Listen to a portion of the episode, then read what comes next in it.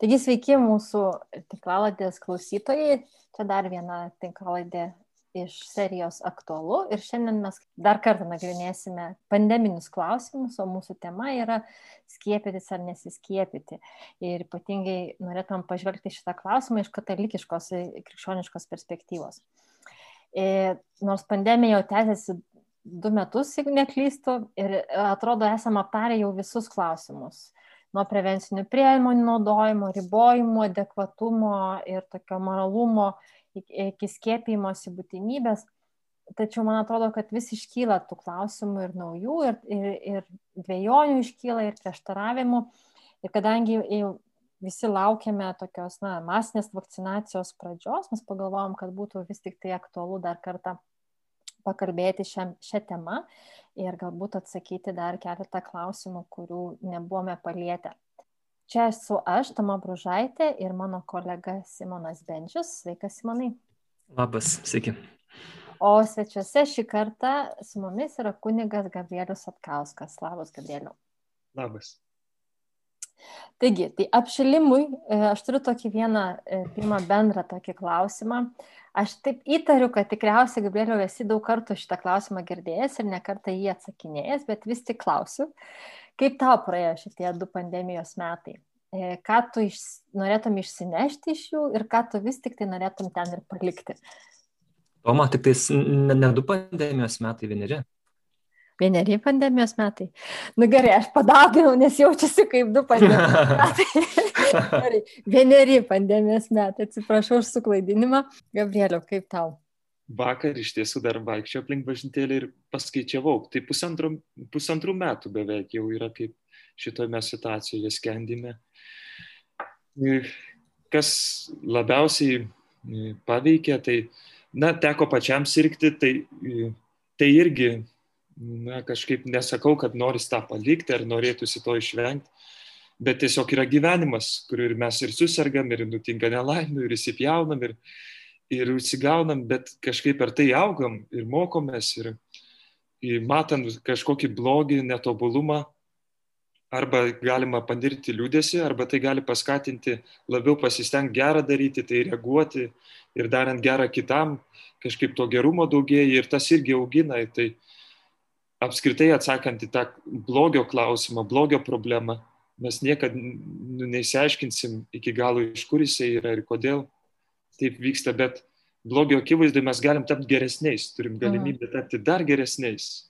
Taip, kad aš taip vienareikšmiškai nesakau, norėtųsi viską pamiršti, kas buvo per pandemiją, bet kaip ir patys, pavyzdžiui, kiniečiai, iš kur tas virusas paplito po pasaulį, jie sako, krizė pas juos turi du hieroglifus vaizduoja į tą žodį krizė. Ir vienas iš tų hieroglifų reiškia galimybę. Tai mhm. galimybė irgi buvo, kurią pavyko šiek tiek išpildyti, realizuoti, būti geresniu ir kažkaip apmastyti gyvenimo prasme labiau ir padėti kitiems žmonėms. Bet taip žiūrint iš tarnystės pusės, tai skaudu iš tiesų buvo sielovadiškai susidurti su visokiom kliūtim, padėti žmonėm artintis prie Kristus ir kai tikrai reikėjo mum ir uždaryti bažnyčią, negalėjom šią sakramentų į tą laiką ištverti, bet labiausiai tai tos santykios stygius, gyvo santykios su žmonėm. Pavyzdžiui, visą tą laiką toliau pats asmeniškai ruošiau parapijai sutvirtinimui jaunimą. Mm. Tai be gyvo susitikimo e, tai lieka tik tai tokiom paskaitom, pašnekėsiais apie tikėjimą, bet juk kulminacija tai yra susitikimas, apie tai, ką kalbame, jau praktikavimas to. Ir, ir draugystė, ir tas bendrystės išgyvenimas, tai to nebuvo. Tai atrodo, ta sėja buvo tokia nepilnavertė, bet vėl yra malonė, ne mes vieni veikiam. Tai, tai man norisi kažkaip skaudžiausia dėl tos sielovados, dėl santykių tų apkarpimo. Karantinas nu, turėjo tai būti dėja. Ne? Ir tai kažkaip tas neišpildytas iki galo santykis su žmonėmis, lydėjimas jų prie Dievo, tarsi viena koja, taip šlubomis, nu tai, ko nesinori prisiminti ir norisi išvengti ateityje. Mhm. Kad sielovada būtų pilna vertė. O kaip dabar su ta sielovada yra? Vis tiek dar pil, pil, pilnom dviem kojam negrįžta tie procesai dar? Taip, aš turėjom šeštadienį sutvirtinimo šventę parapijai. Su tuo jaunimu aš mačiau tik tris kart gyvai rudenį. Mm. Ir dabar susitikom bažnyčioje jau per pačią sutvirtinimo šventę. Ir, ir jaučiasi, kad kai nėra to gyvo santykio užmesgymo, tai tada nėra ant ko statyti tos ateityje draugystės ir susitikimo momentų. Tai sielovada po truputį įsibėgėja. Ir kaip klebonas minėjo, mūsų parapijų teveliam ir kai tos šventės įvyko, sako, nu, buvo sunkus metai, nežinom, kaip čia bus, ar pavyks, bet mums pavyko. Ačiū Dievui ir kad šiandien susirinkom ir švenčiam ir sako, jūsų vaikai pirmos komunijos prie buvo, mums sunku jum, bet mums visiems pavyko. Tai perėjom tą laiką ir nepaisant karantino visų šitų sunkių laikų, galima gyventi tikėjimu ir galima ruoštis. Ir visos platformos, technologijos labai tam padeda. Mes, pavyzdžiui, parapijai sukūrėm tokią nuotolinę rengimosi programą sutvirtinimui, kur jaunimas turi vykdyti užduotis, gauti ženkliukus už įvykdytas užduotis, taip žaismingai, interaktyviai. Tai ta krizė paskatino ieškoti naujų būdų ir padaryti tą procesą dar įdomesnį rengimosi sutvirtinimui. Bet aišku, iš kitos pusės to santykio prasme stoka ir čia yra tokia tuštuma, kurią reikės užpildyti ateityje ir yra spraga, aš galvoju, analogiškai kalbant apie moksleivius, kurie, nu gal ir gerai tos buvo pamokos nuotoliniu būdu, bet santykių prasme, jų raidos prasme tai yra nuostolis, tai yra žala. Ir tas pats jėlovadui, galim tai žvelgti. Nebus sunku grįžti. Aš atsimenu, po, po pirmojo vat, karantino buvo, kai, kai jau galėjo, bažnyčios atsidarė, buvo galima eiti į mišes, buvo tokių, na, tokių pasvarstymų, kad dabar bažnyčios bus tuštesnės nei prieš karantiną, nes vis priprato prie nuotolinių mišių, ne, galbūt kai kas atprato apskritai vaikščioti į, į bažnyčią, ne, tai kad nu, bus sunku, tas to įpročių taip yra, kai tu jį pameti, kai jis jo kažkaip neturi kaip praktikuoti, tas įprotis, na, toksai pasimiršta.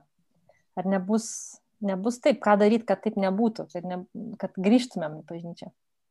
Sunku kalbėti plačiame kontekste.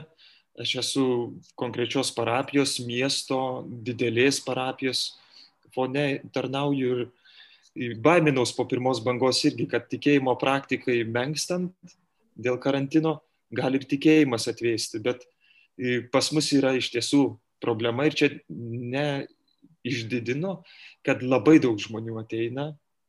Ir, pavyzdžiui, sekmaniais visose mišiose būna daug, daug žmonių. Yra vienos mišios, kur tik tai suolai užsipildo, šiaip būna ir visos vietos. Ir, ir turim iššūkį, kad negalime visų įleisti ir, ir turim komandą, kuri būdi ir prašo pasilikti laukia ir įrengiam įgarsinimą laukia šventoriui, bet kai oras prastas, negalime. Mm. Tokia įtampa šitoje vietoje iš tiesų yra. O žmonės labai saugosi, labai paiso reikalavimų saugumo ir vis tiek mes kažkaip nerimam, tų žydinių nebuvo pas mus COVID parapijai, bet e, turim iššūkį, kad labai daug žmonių ateina. Ir dar vienas ženklas, ko nemačiau ankstesniais metais, kad paruošus vaikus pirmai komunijai, jaunimą sutvirtinimui, paprastai labai nedidelė dalis grįžta paskui jau mhm. sekmadienis ir grįžta daug didesnė. Ir tie vaikai ateina su tom pačiom albom, kurie pirmos komunijos. Ir jų tikrai yra daug daugiau negu anksčiau. Tai galvoju, gal tasai drastiškas praktikos sustabdymas tikėjimo irgi paskatino kelt klausimą, kam man to reikia. Mm. Protingiau tą pagrindą įsivardyti, kodėl aš einu į bažnyčią, kodėl einu į mišes. Ir atrasti tikrai prasme giliau į tikėjimo, maldos. Ir manau, kad irgi yra dalis tokių atvejų, dalis, kur gal tikrai atvėsė, žinau atvejų, kur praktikuojantis krikščionis, tikrai gyvenantis tikėjimu, po karantino dabar apsiribojo tik tais šventų mišių transliacijos stebėjimu ir sako, kad tai atstoja tikrą dalyvavimą nu, mišiuose. Tai yra ir toks paplitęs požiūris. Mm. Visokių dalykų yra. E, Gabrieliau, aš žinau, kad e, tu irgi dar e, tarnavai ligoninėse.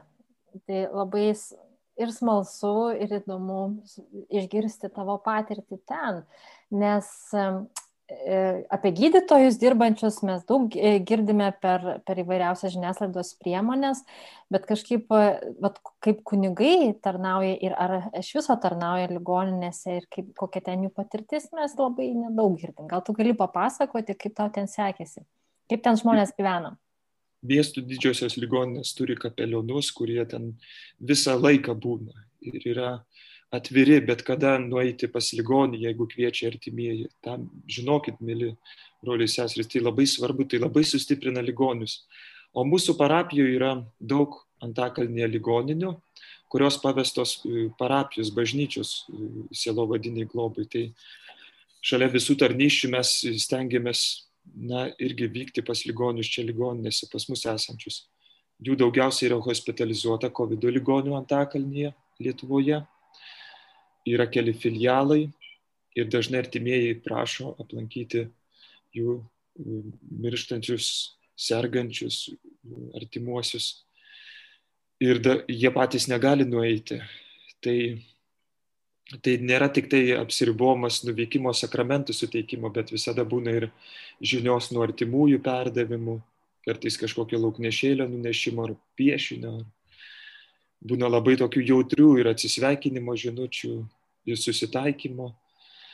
Tai man pačiam tenka vykti nereguliariai, tiesiog kai iškviečia, bet tai būna ko ne kasdien.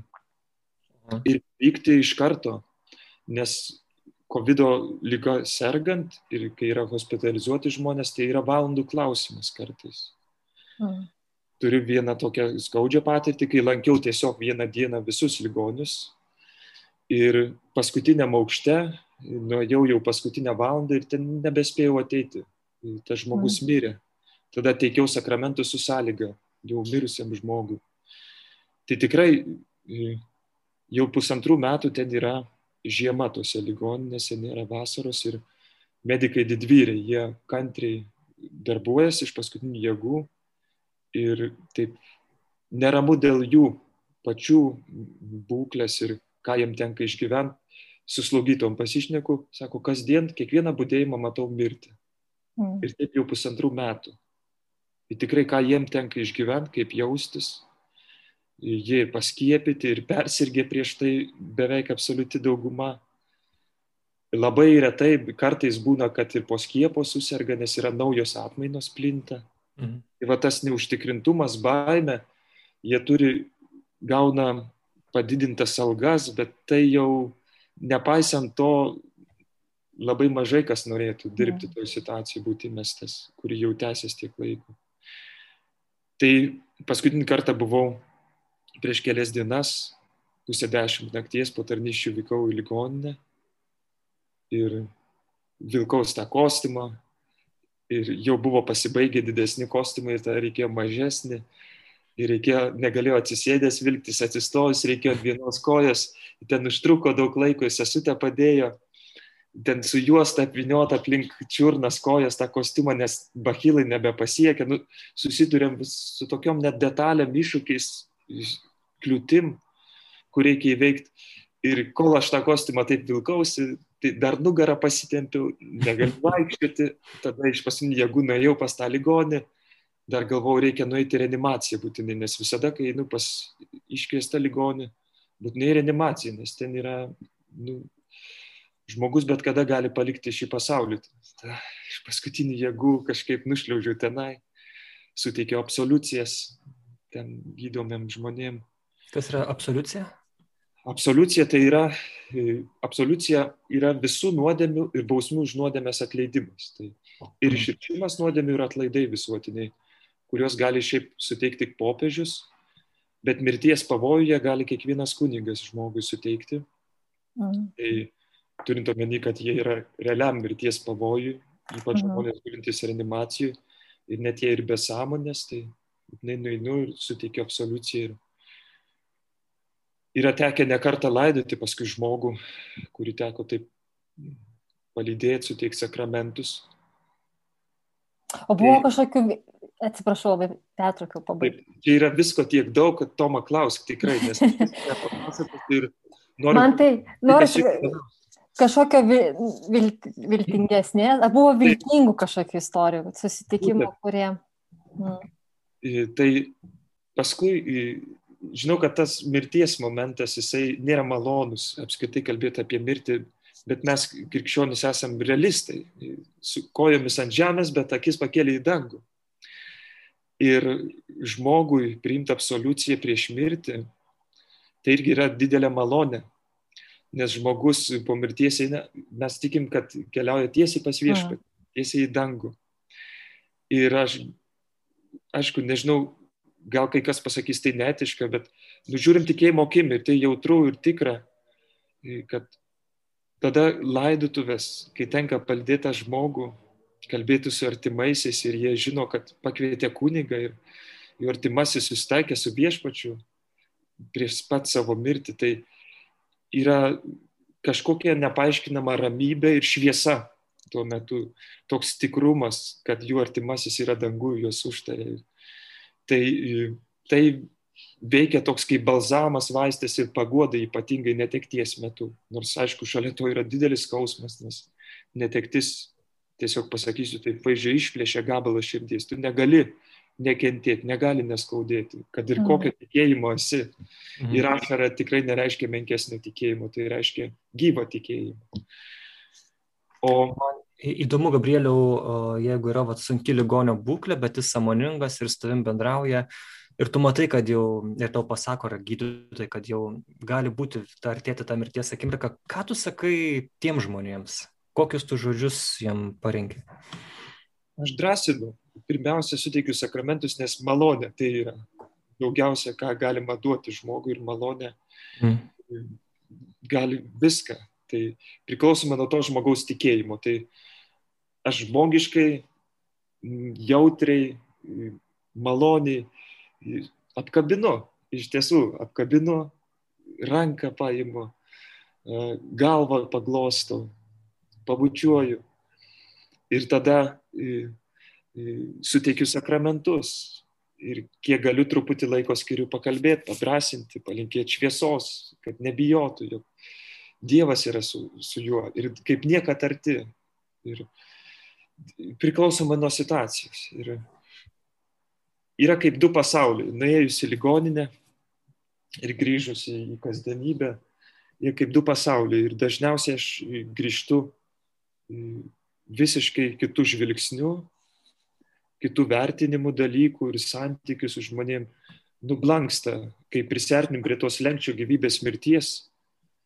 Ir, ir dažniausiai aš matau labai šviesias akis, ypač mūsų vyresnės kartos, kuri, nu, tikėjimas buvo tai, kas padėjo pereiti visą ir praeitį, ir buvo atrama į tą ramybę, labai matosi ramybė, šviesa, toksai gerumas, akių ir tai tas labai sustiprina ir sugražina į tą tikrąją realybę, kas yra svarbu gyvenime ir kur link mes judame ir kaip turėtume gyventi.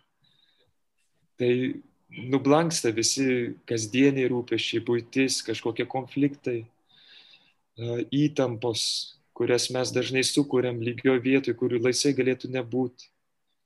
Tai, žodžiu, būna daug visokių situacijų, jausmų, sunku apie tai ir kalbėti. Iš tiesų, aš manau, dar reikės laiko. Bet dabar kalbėdamas visą laiką galvoju apie medikus. Jie mato daugiausiai patiria. Jiem nėra laiko, kada kalbėti. Jie tiesiog turi gelbėti, ką gali išgelbėti. Hmm. O kaip medikai priima kunigus e, ligoninėse?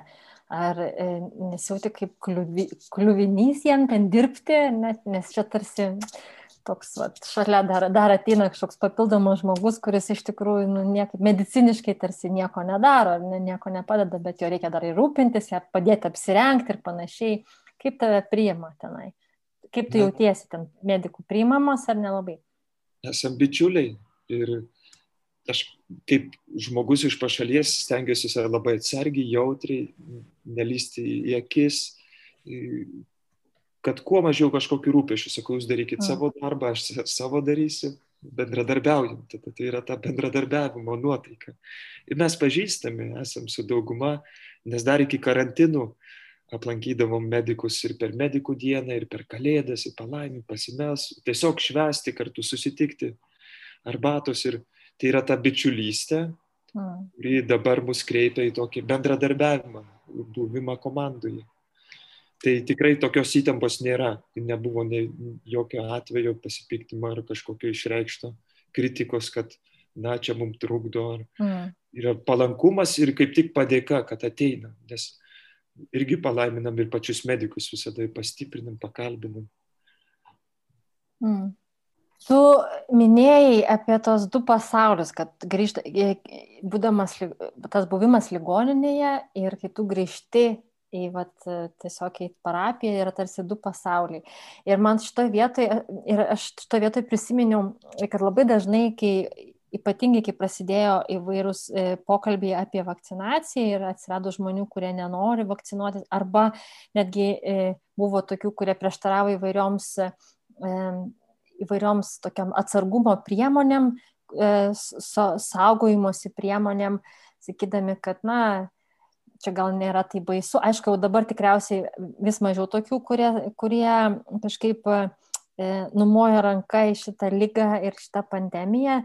E, Bet aš tik galvoju, kad dažnai mes motivuodavom vienas kitą, primindami arba tarsi nukreipdami dėmesį e, į tai, kas vyksta ligoninėje, kad, nu, gal mes čia, vat, čia savo gyvenime ir nejaučiam tos pandemijos, bet pažiūrėkim, kas vyksta ligoninėse, kad ten vis tik tai yra, yra e, lyga yra ir jinai yra baisi. Ne? Ir, e, tai vat kažkaip, kai tu vat kalbėjai apie tos du pasaulius, tai aš vėl prisiminiau tai, kad tas patirtis, vat, pavyzdžiui, tavo patirtis ligoninėje, tai irgi gali būti paskatinimas, kad mes kažkaip turime elgtis atitinkamai, kad, na, kuo greičiau sustabdytumėm šitą pandemiją. Ir va, yra vakcinacija, ar ne, kur me- mes dabar jau tuoj, tuoj prasidės ta masinė vakcinacija. Mm, Ir, ir irgi vienas kitą ir drąsinam ir visai kitaip motivuojam, e, kad eiti, skiepytis ir panašiai. Vis tik tai šitam visam kontekste iškyla įvairiausių tokių moralinių klausimų, dėl, dėl, netgi dėl tų pačių vakcinų.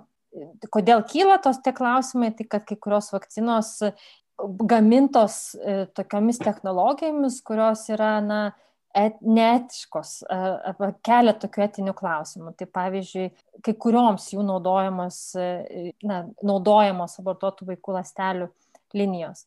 Čia toks bendras gal klausimas, kad peršokti jau į tą, į tą mūsų, mūsų tokį aktualiausią temą.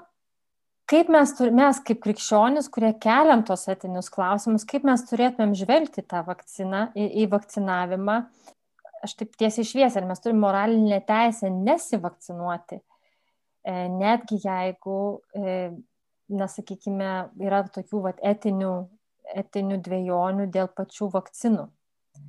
Ar toji atsakomybė sustabdyti pandemiją nėra didesnė? Vienam pasidalyme aš rašiau, kad e, mes šiandien turime moralinę pareigą laisvai apsisprendę priimti skiepą. Tai daugumo žmonių žvilgsnis apsto, apsistoja ties to moralinę pareigą turim.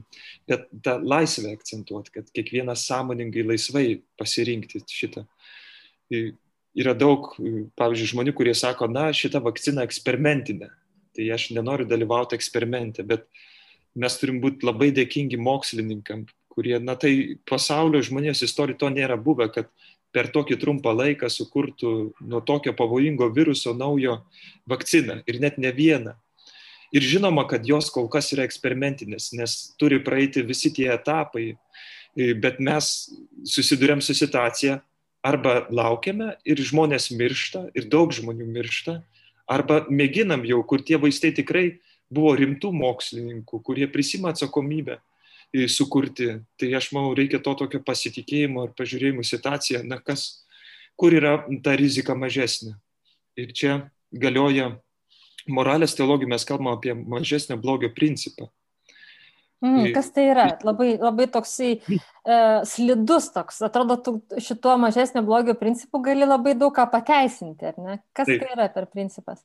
Tai yra būtent jisai mums aktualus, kalbant apie skiepus, kai mes susidurėm su rizika mirties. Tai ar aš rizikuoju nesiskiepyti ir iš tiesų daug labiau rizikuoju numirti užsikrėtęs virusu ir apkrauti visą sveikatos apsaugos sistemą ir dėl to didelio krūvio, kad net negalės pasiekti pagalbą kitų ir dar daugiau mirs žmonių. Ir čia dar jau net nekalbam apie kitas pasiekmes - ekonominės, socialinės, dėl karantinų, visko sustabdymo, švietimo ir panašiai. Tai ar aš geriau prisimu skiepą, tą mažesnę riziką, kur kaip tik ta rizika yra santykinai kur kas, na, šimtais, tūkstančiais kartų mažesnė. Ar ne? Tai yra du pasirinkimai, ne, kur tada renkėsi mažesnį blogį. Ir kai esi tokiuose pasirinkimuose tarp dviejų blogių, nėra nuodėmė rinktis mažesnį blogį moraliai. Mhm. Trečias kelias, jeigu yra, kur gali išvengti ir vieno ir kito, tada jau šitas principas negalėjo, bet čia nėra trečio kelio. Mhm. Arba skiepytis, arba nesiskiepyti.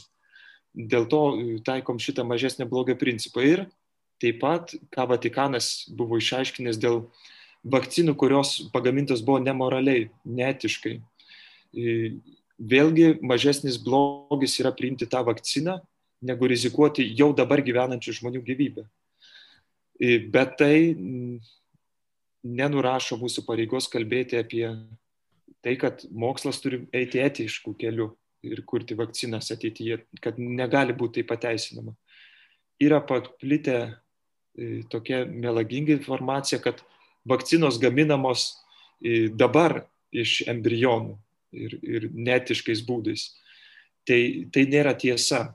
Reiškia, AstraZenecos, pavyzdžiui, vakcinai sukurti buvo paimta linija iš abortuotų kūdikių, kuri yra labai sena dar praėjusio amžiaus ir tą liniją paprastai mokslininkai ima ir kitų vaistų gamybai. Tai tai yra netiška. Bet ta vakcina sukurta, kuri gali išgelbėti daug gyvybių. Ir tada krikščioniška būtų sakyti, kad mes kalbam ateityje apie būsimų vakcinų kūrimą etiškų metodų ir kaip tai yra svarbu ir pagrysti ir kalbėtis ir su mokslininkų bendruomenė.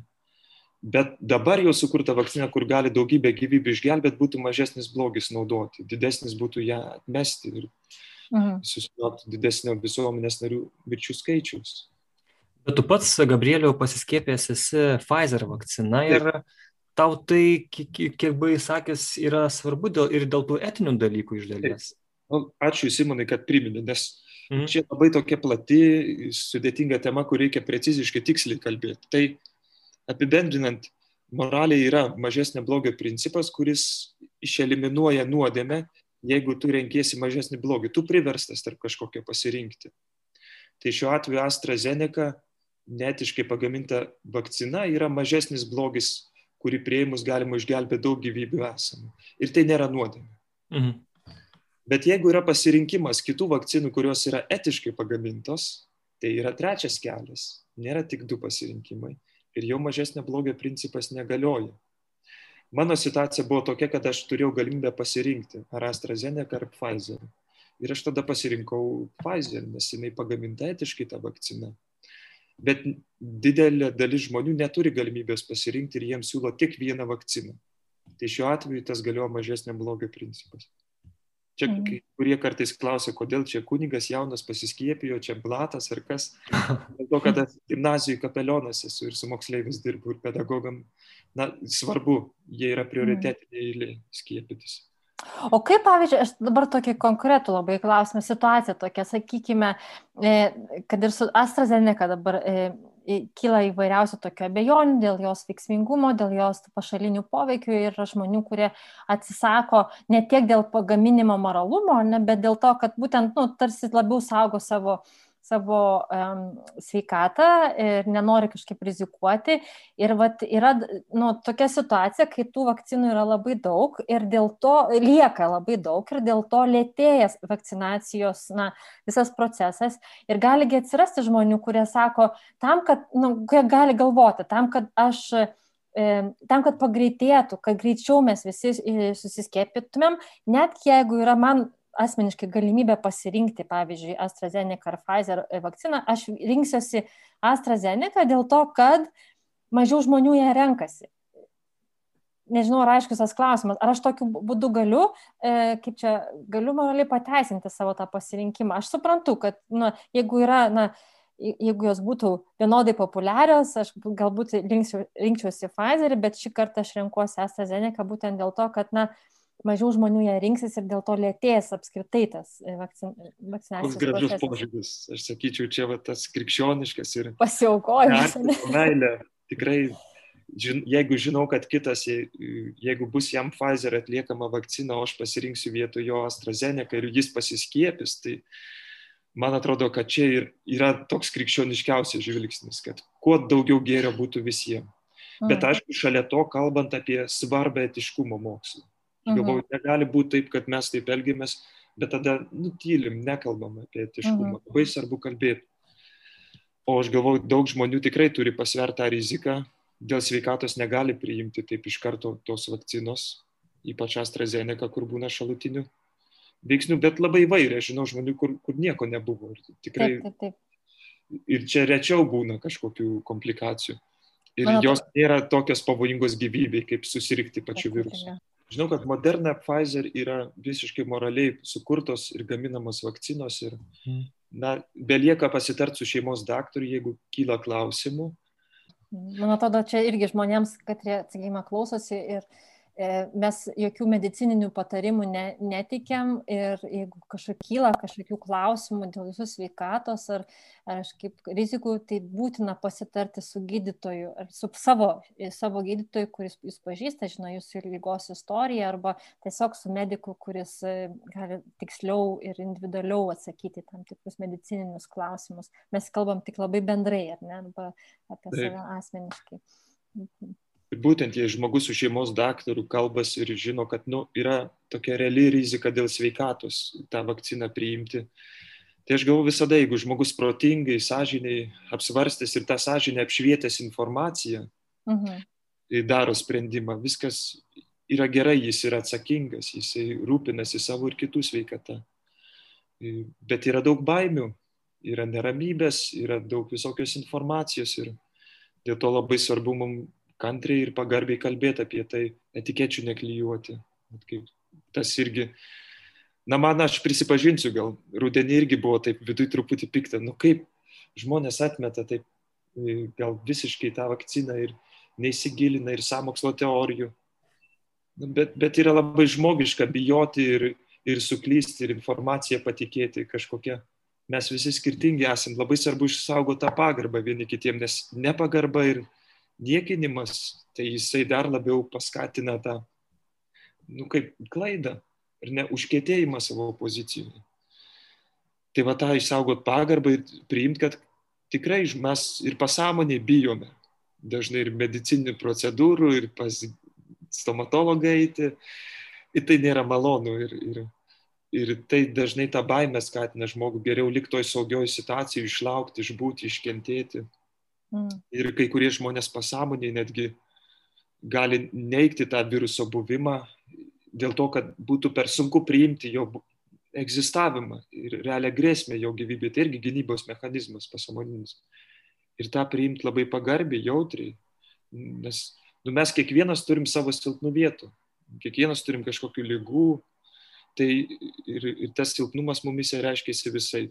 O meilė gydo ir toks pokalbis, kantrybė, buvimas šalia. Mhm. Aš manau, tas susipriešinimas irgi paskatina e, skepticizmą neprotingą skiepų atžvilgių ir mirtis tada netiesiogiai. Mhm. O dar vieną mintį, ką norėjau paminėti, ne, nenorėdamas kaltinti, bet norėdamas atkreipdėmėsi į situaciją, kad šiandien Antakalni, kur yra daugiausiai hospitalizuota 300 žmonių, didžioji dalis yra tie žmonės, kurie buvo prioritetiniai grupiai, patys pirmieji skiepui bet atsisakė to skiepo. Šiandien jie kovo dėl gyvybės ir medikai dėl jų gyvybės. Ir šiandien tie žmonės miršta, kurie buvo jiem patiems pirmiems siūlomas skiepas, bet dėl vienokių kitokių priežasčių ar negalėjo priimti, ar atsisakė. Ir, ir žmonės tie miršta. O kodėl, nežinau, kiekviena situacija atskira. Gal kažkokia samokslo teorija, gal baime, gal kažkas užsipuolė, paniekino ir tas žmogus iš viso numojo viską ranką bet nuo to priklauso gyvenimai. Ir tikrai aš kvieščiau skiepytis, nes kur yra pavojus? Vat problemos yra dvi, kad kuriasi naujos atmainos viruso, kurios gali būti atsparios skiepam. Vyksta tokios lenktynės, kas ką nugalės. Ar mokslas medicinos, ar, ar tas virusas, ne gamta natūrali. Ir antra, kuo didesnė populiacija yra paskiepita, tuo plitimas sumažėja ir gali būti atlaisvinamas socialinis gyvenimas. Ir tada emocinė, psichologinė sveikata saugoma žmonių, nes dabar jinai ribinė yra. Ir labai daug problemų yra dėl tų visų suvaržymų. Ir dar trečia, kad jeigu prilėtinam tą mutaciją viruso, atmainų atsiradimą, jeigu krenta susirgymai, nes daugiau žmonių pasiskiepija, tada atlaisvėja ir medicinos sveikatos apsaugos sistema. Pirmiausia, tie medikai, žmonės, jie nėra robotai, kurie turi būti ir, ir tikrai yra realiam pavojui perdegti jie. Ir tada galima teikti kitą pagalbą sveikatos planinės operacijas, nes didesnė dalis netgi yra netiesioginių pandemijos mirčių žmonės, kurie negavo kitos sveikatai reikalingos pagalbos. Tai, tai iš tiesų vakcinacija, skiepas, jisai, nu, tas akivaizdu ir jau mes matom skaičiuose ir mažina tą plitimą viruso. Mhm. Ir mažina riziką naujų mutacijų atsiradimui, atmainų.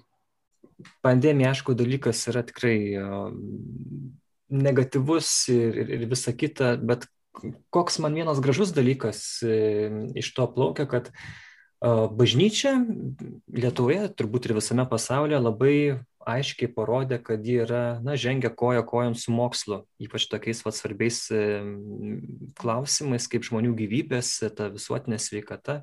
Jeigu iki pandemijos dažnai mes kartais gal iš tokių skeptikų girdėdom, kad štai bažnyčia prieštarauja mokslui, krikščionybė yra atsilikusi iš to atžvilgiu arba kad stabdo mokslo pažangą e, krikščionis, Tai aš manyčiau, kad na, po visų šitų pusantrų metų na, labai buvo aiškiai bažnyčios pozicija ir pačių pavienių kunigų, ir viskupų, kad štai na, mokslas yra tikrai Dievo dovana, protas yra Dievo dovana ir iš, jeigu tokiem geriem tikslam naudojamas, tai yra, tai yra super. Na, aš manau, bažnyčios ta laikysena proto ir tikėjimo atžvilgių kad tai turi būti subalansuota, kad tikėjimas protingas ir pagrystas ir nėra atsietas nuo tikrovės, tai yra labai sveika ir natūrali. Na, mm.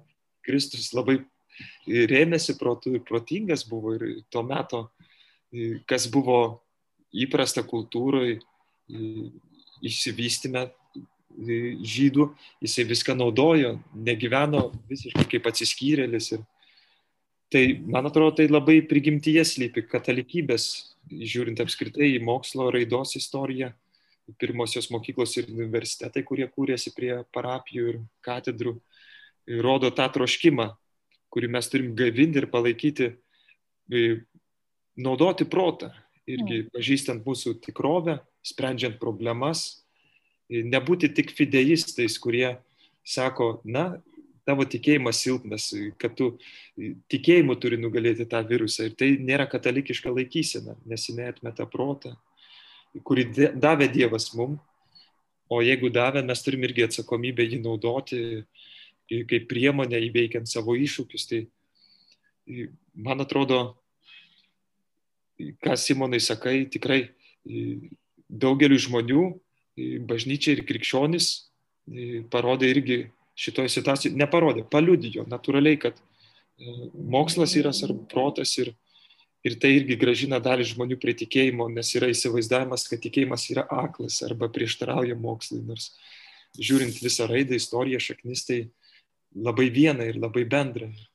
Dabar gal turim kitą iššūkį, kad tikinti žmonės patys neatsiribotų nuo proto, nebūtų fideistais, bet išsaugo tą jungtį. Man tai labai patinka į tą proto ir, ir mokslo santykių žiūrėti, į proto ir tikėjimo, atsiprašau, proto ir tikėjimo santykių žiūrėti kaip į tokią, na, um, tokį ryšį, kad kuo žmogus savo potencialą, tą žmogiškai potencialą labiau skleidžia, to daugiau Dievas per jį gali veikti, ne, to daugiau tarsi malonė turi vietos veikti, nes žmogus pats ugdosi, plečiasi, e, lavinasi ne, ir tarsi tarsi tampa tokiu e, tobulesniu, geresniu įrankiu maloniai veikti. Ir, ir Dievas būtent per tą tokią žmogišką, žmogiškas pastangas ir žmogišką protą ir veikia. Ne, toks, na, e, tai nėra atskirai kažkaip e, nuo žmogaus, nuo jo gabėjimo, nuo jo mąstymo, nuo jo atradimų. Ne, tokia, ir sakyčiau, net taip gal labai radikaliai, bet krikščionis iš prigimties yra mokslininkas, mokslo žmogus, kuris remiasi Dievo dovana protu ne, ir naudoja ją ir jungia su tikėjimu. Mm. Kaip Jonas Paulius II sakė, tikėjimas ir protas tai lyg du sparnai, kurie mums padeda pakilti tiesos kontempliavimą.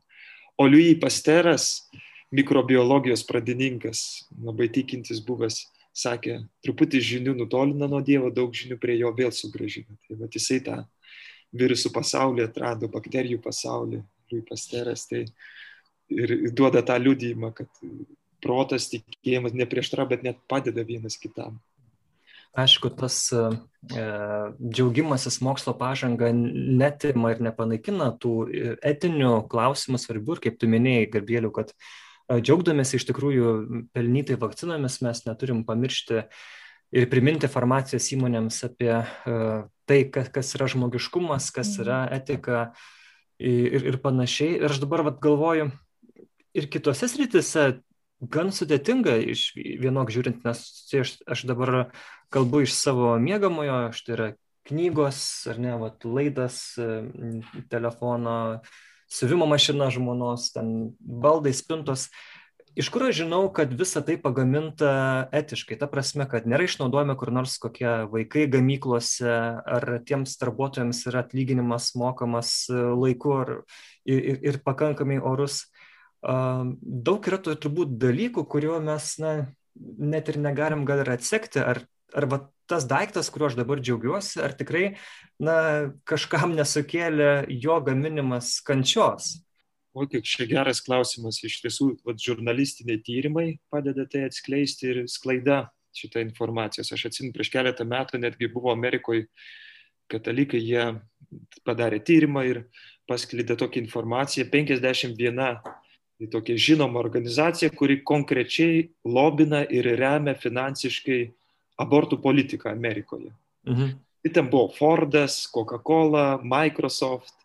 Ir tiesiog paskleista informacija apšvies žmogaus sąžinę, kad jisai ir tai paskatinti, kad rinktųsi, pirktų atsakingai, remtų tą verslą, kuris remia tai, kas moralu, ne, o, ne, o ne greuna, des, destruktyvina. Tai, tai aš įsivaizduoju kažką analogiško ir Lietuvoje, aišku, tas jau žurnalistam reiktų užnugario, palaikymo moralinio, nes įsivaizduoju, kad prieš struktūras, ką Jonas Paulius II įvardijo kažkada kaip nuodėmė struktūra vienam žmogui, tai neįmanoma kovoti. Mhm. Reikia grupiai ir reikia labai išmintingai, protingai, pagarbiai.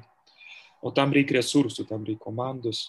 Tai aš įsivaizduoju, kad jūsų, mėly žurnalistai, čia ypatingas pašaukimas atskleisti tą tiesą. Tam reikia jėgų, laiko tiem tyrimam žurnalistiniam. Bet kokia turėtų būti nuostata žmogaus, kuris, na, kad ir nėra žurnalistas ir jis neturi laiko, negalimybių tiem tyrimam, bet tiesiog jis, vat, na, ir jis nežino, ar ne, apie tų daiktų kilmę, na, pagaminta kur nors Bangladeše, tarkim, arba ten pagaminta Kinijoje toje pačioje. Ir, ir, ir kaip jam tada, kaip jam galvoti apie tuos etiškumo visus dalykus? Mes daug ko nežinom, bet Svarbu principai, kokiais vadovaujamės, ar ne? Mm. Bet tas pateisinamas nežinojimas ir nepateisinamas.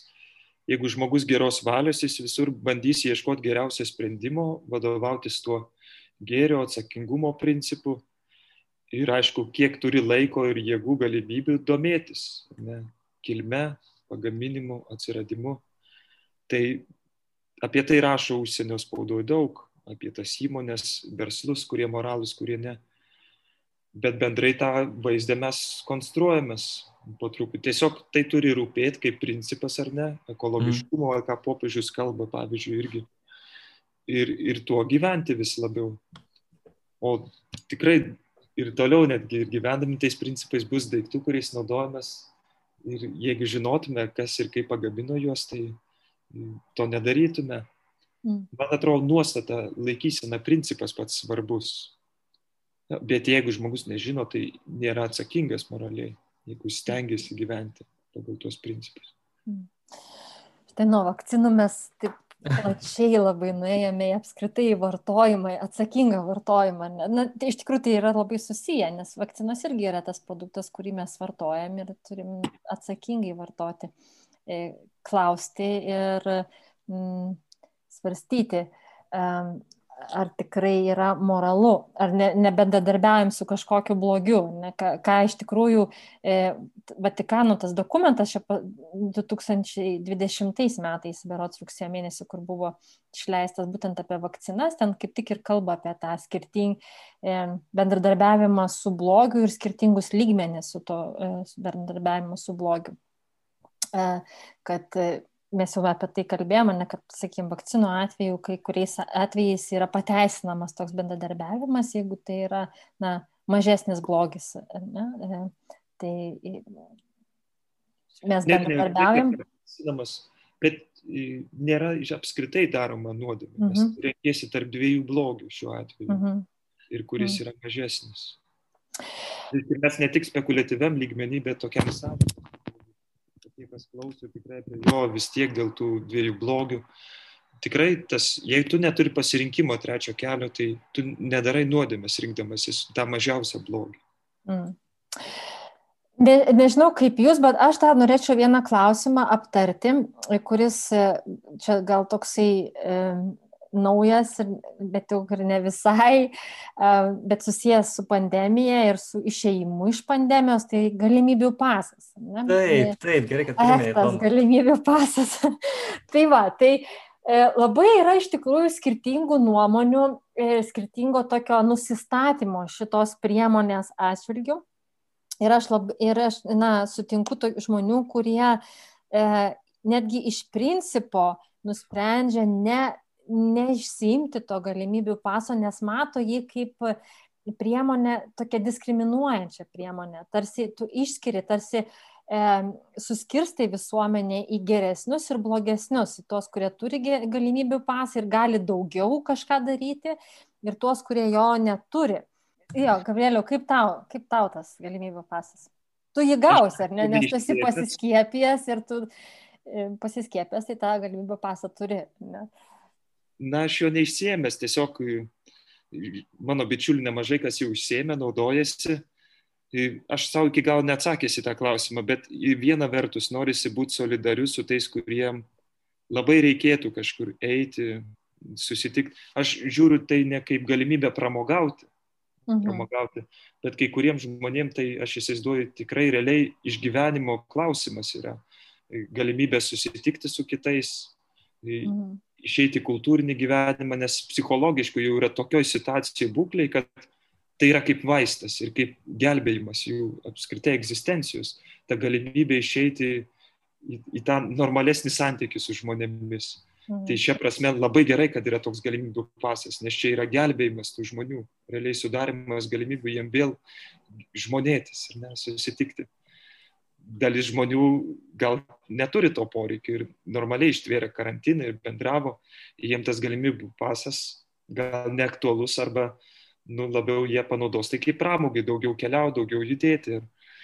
Tai aš jaučiu tokiu atveju, jeigu man tai nėra labai aktualu, nes kuningas visada tarp žmonių ir tas karantinas jisai nebuvo uždaras, bet įsivaizduoju žmonėm, kurie yra uždaresni, jautresni, tas galimybių pasas labai reikalingas, kad jie išeitų į visuomenę grįžtų, galėtų kultūriniai, socialiniai veikloje dalyvauti. Tai, tai labai svarbu. Tai tikrai. Uh -huh. o kaip tu galvoji? O, o kaip tu galvoji, iš kur kyla tas toks, e, nu, tokia nuomonė, ar gal toks požiūris, kad tas galimybių pasas yra diskriminuojantis kažkaip? Aš klausiu neturėdama iš tikrųjų atsakymo, aš bandau, bandau pamatyti tai kaip diskriminacinė tokia priemonė, kaip tu manai, iš kur kyla. Tarsi, tarsi yra sudarytos visos galimybės jį išsimti, netgi jeigu tu nepersirgęs ir jeigu tu ne, nesi pasiskiepijęs dar, nes ne visi turi, turėjo galimybę dar pasiskiepyti, ar ne, tu vis tiek gali tą pasą e, išsimti atlikdamas testą tam tikrą. Tai, tai ta, tos, ar tikrai pagrista ta kritika, kad tai yra diskriminacinė priemonė? Aš įsivaizduoju, gal pačiam fundamentaliausiam lygmenį, kalbant apie asmens orumą ir visų lygumą, čia reikėtų gal atskirai išnekėtis ir aš nesu tiek įsigilinęs, nes kad nepažeisti apskritai žmogaus orumo, mhm. bet mes esam fone karantino ir viruso, kuris gyvas tarp mūsų. Tai vis tiek kažkokia tvarka nu ką dabar tie, kuriem nebėra pavojinga, privalės sėdėti užsidarę irgi, nu negali taip apriboti. Ir tai turi reikšmę ir valstybės gyvenimo, ekonomikai. Ir vis tiek kažkaip tai turi po truputį atsigaivinti. Tai manau, kad yra protinga priežastis to paso buvimo. O jaučiu, kad ta tokia kritika labai e, kyla iš žmonių, kurie visą laiką pasisakė prieš vakciną mhm. ir daugumą pan, su pandemija kovoti skirtų priemonių. Tai tai gal net sukelia apmaudą ir pyktį, kad dabar ne tik, kad kovau, laikiausi, dabar dar ir negalėsiu dalyvauti socialiniam gyvenime, o tie žmonės irgi turi poreikį būti žmonėmis, bendrauti su kitais. Tai tas skaudu, tai, tai gal dar labiau iškelia tą klausimą, tai čia ar tiesa ta samokslo teorija, ar aš čia neapsigavau, ar nu, aš čia gal taip laisvai labai kalbu. Taip, taip, taip, aš tą suprantu. Bet, bet tokį dar provokuojantį klausimą, Gabrieliau, tau galėčiau užduoti.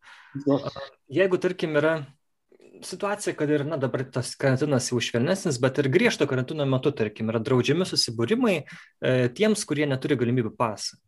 Bet štai yra, tarkim, kokia grupė žmonių, o, draugų, tarkim, katalikų, kurie nėra pasiskiepiję, nėra persirgę, bet jie vat, nori susitikti kokiam nors ten konspiraciniam bute, žinai, ten dešimt žmonių ar, ar kiek.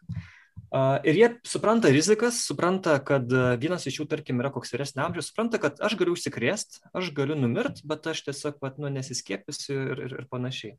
Ir jie susitinka laisvą valią visi kiekvienas. Tai nėra legalu, aišku, tam įstatymo lygmenį, bet kalbant apie tą moralę ir apie nuodėmės uh, kategorijas, ar tai tuo požiūriu, ar tai yra nuodėmė nepaisyti to karantino, priimant visiškai tą laisvai riziką, kad aš galiu susirgti ir, ir, ir numirti, bet vis tiek susitikti.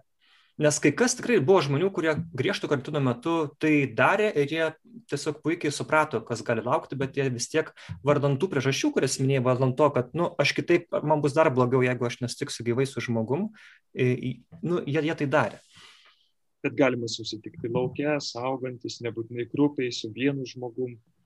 Taip, taip, taip. Tai, tai tokiam aplinkybėm, ką tu sakai, man atrodo vienareikšmiškai yra nuodėmė.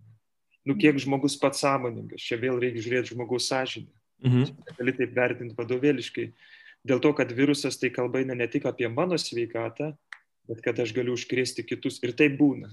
Ir užkrečiami kiti, kurie saugosi ir, yra, ir, ir miršta paskui. Tai, uh, Tai va ta atsakomybė čia yra šitoj pandemijos situacijoje ne tik apie save kalba eina, bet apie mus visus. Va, šia prasme, kiek daug žmonių kalbėjo per visą šį laiką, kad pandemija parodė, kaip mes visi tarpusavį esam susiję. Mm. Tas akivaizdu. Mm.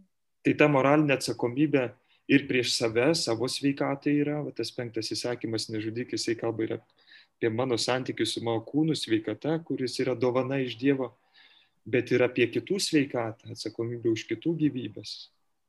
Tai man atrodo, tai labai labai nu, pažeistų toksai požiūris. Mm. Mhm. Man atrodo, kad va čia ir yra raktas į tos visus klausimus, kad visos e, priemonės, kurios skirtos suvaldyti pandemiją, tiek, tiek tos hygienos laikymasis, e, tiek vakcinacija, e, liečia ne tik mane asmeniškai kaip individą, ne, bet tai iš tikrųjų liečia ir kitą žmogų, e, netgi nepažįstamą, su kuriuo aš galiu, na, e, kažkur visiškai neplanuotai ir e, susitikti ir aš galiu užkrėsti, jeigu, jeigu aš nesilaikysiu tų priemonių, jeigu aš neskirsiu na, dėmesio kažkokiam tai apsaugai ar, ne, ar nesiskiepysiu. Tai, tai man atrodo, kad kai mes sakom, na, aš, na, aš, taip, aš taip mastau, kad kai sakau, kad na, aš prisiemu tą visą riziką, e, aš žinau, kad aš galiu susirgti, žinau, kad aš galiu numirti, bet aš vis tiek kažką darau.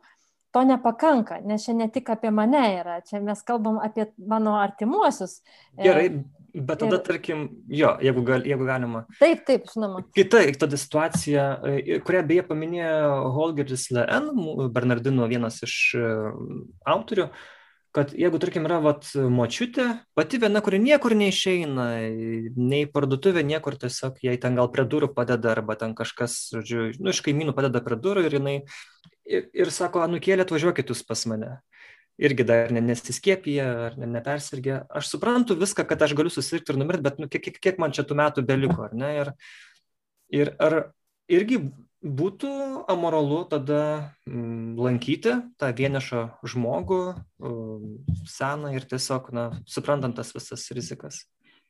Konkrečioje situacijoje reikia pasverti apskritai, žiūrėti, kokia tai yra žmogaus būklė, ne, pasverti riziką protingai, bet irgi ryšim su įstatymais civiliniais. Jie irgi yra ne iš piršto laužti. Mes vis tik tai krikščionis, kaip Jėzus sakė, kiekvienos valdžios reikia klausyti, kiekviena vis tik tai yra nuo Dievo. Vis tiek vienaip kitaip per potvarkius, kurie yra pamatuoti, matant visą kontekstą, foną, e, irgi reiškėsi Dievo valia.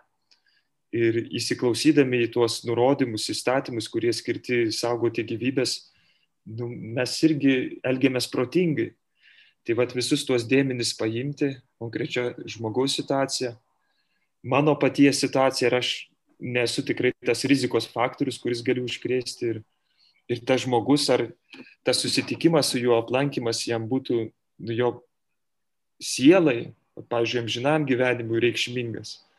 Ar tai būtų tiesiog susitikimas arbatos, kurį galima atkelti, tai nu, vat, visus tuos dėmenis pasverti protingai ir sąžinėje priimti sprendimą. Kartais gėrio darimas neišmintingai, be proto gali daug blogio sukurti. Ir taip būna. Na, na ką, e, čia vėl tokia sudėtinga tema, vėl tokių daug labai aspektų galima. Gal pabaigai, prašau, Tomą, nutraukiu atsargumo principą tą tokį. Atsargumo principą visada taip, niekada jo nepaleisti iš akių ir, ir protingai, su protu žiūrėti tas visas situacijas verti. Tai aš iš tikrųjų šito pokalbio, ką aš įsinešu, tai vat, būtent labai tu pabaigai labai gerai, Gabrieliau, būtent tą protingumo principą, ne, kad mes turime žiūrėti išmintingai, protingai kiekvieną situaciją, ne, stengtis netaikyti kažkokių, kažkaip vadovėliškai žiūrėti, kaip irgi minėjai, ne, kad taip labai mechaniškai, bet iš tikrųjų įsigilinti kiekvieną situaciją, bet to pačiu nepamiršti, kad na, mes esam E, susiję vienas su kitu. Ir tai yra dalis va to, e, tos, tos tikrovės, nedaug didelė dalis, kad tai nesu tik tai aš vienas čia, bet esu susijęs ir nešu atsakomybę ne tik už save, bet ir už kitą šalia esantį žmogų. Tai mano pagrindinė žinia šito pokalbio man yra va, būtent šita. Simonai, gal tu irgi kažkokią mintim pabaigai. Jo, čia turbūt galim taip ir iš dalies, didelės dalies e, atsakyti į tą mūsų pradžioje iškeltą klausimą, ar, ar yra krikščioniška skiepytis, tai e, kaip suprantam, kad e, nėra nuodėmė skiepytis, nėra nuodėmė nesiskiepyti, bet vis tik pasiskiepyti būtų labai krikščioniška, kilnu ir teisinga.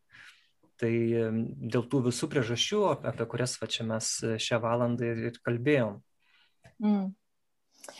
Na ką, mėly klausytojai, mes jau turime paleisti mūsų svečią kunigą Gabrielių, į, sako, jau vėluoja kitą susitikimą, tai ačiū labai Gabrieliu, kad skiriai mums laiko ir pasvarstyti šitais klausimais, tokiais sudėtingais klausimais. Ir mes kalbėjome apie pandemiją ir apie skiepus, tokiu daugiausia norėjom paliesti, nežinau, ar mums pavyko daugiausia apie tai kalbėti, bet vis tik tai kalbėjome apie daug susijusių dalykų. Ir e, noriu klausytumėm priminti, kad e, mūsų tinklalaidės galite rasti visose tinklalaidžių platformose ir ten bus ne viena jų, tai e, galite paklausyti įvairiomis temomis mūsų pokalbių su įvairiais svečiais. Taigi, Gabrieliu, ačiū tau. Čia buvau aš Tama Bružaitė ir mano kolega Simonas Bendžius. Ačiū, kad klausėt. Pirkit Bernardinų šituos ženkliukus, žuvites labai gražias taip mus paremsit, o ženkliukai labai gražus ir dar tomą mes jų dar turim kažkiek, ar ne? Taip, taip, taip, ženkliukus galite pirkti internetu, e, Magnificat elektroninė knyginė, o taip pat galite rasti Vilniuje, Kaune, Katalikų pasaulio knygynuose ir mes turime tokius draugus, e, kavos barą Coffee 1 Vilniuje, kur taip pat galite įsigyti mūsų ženkliukus. Taip. Viskas su Dievu. Sudė. Iki.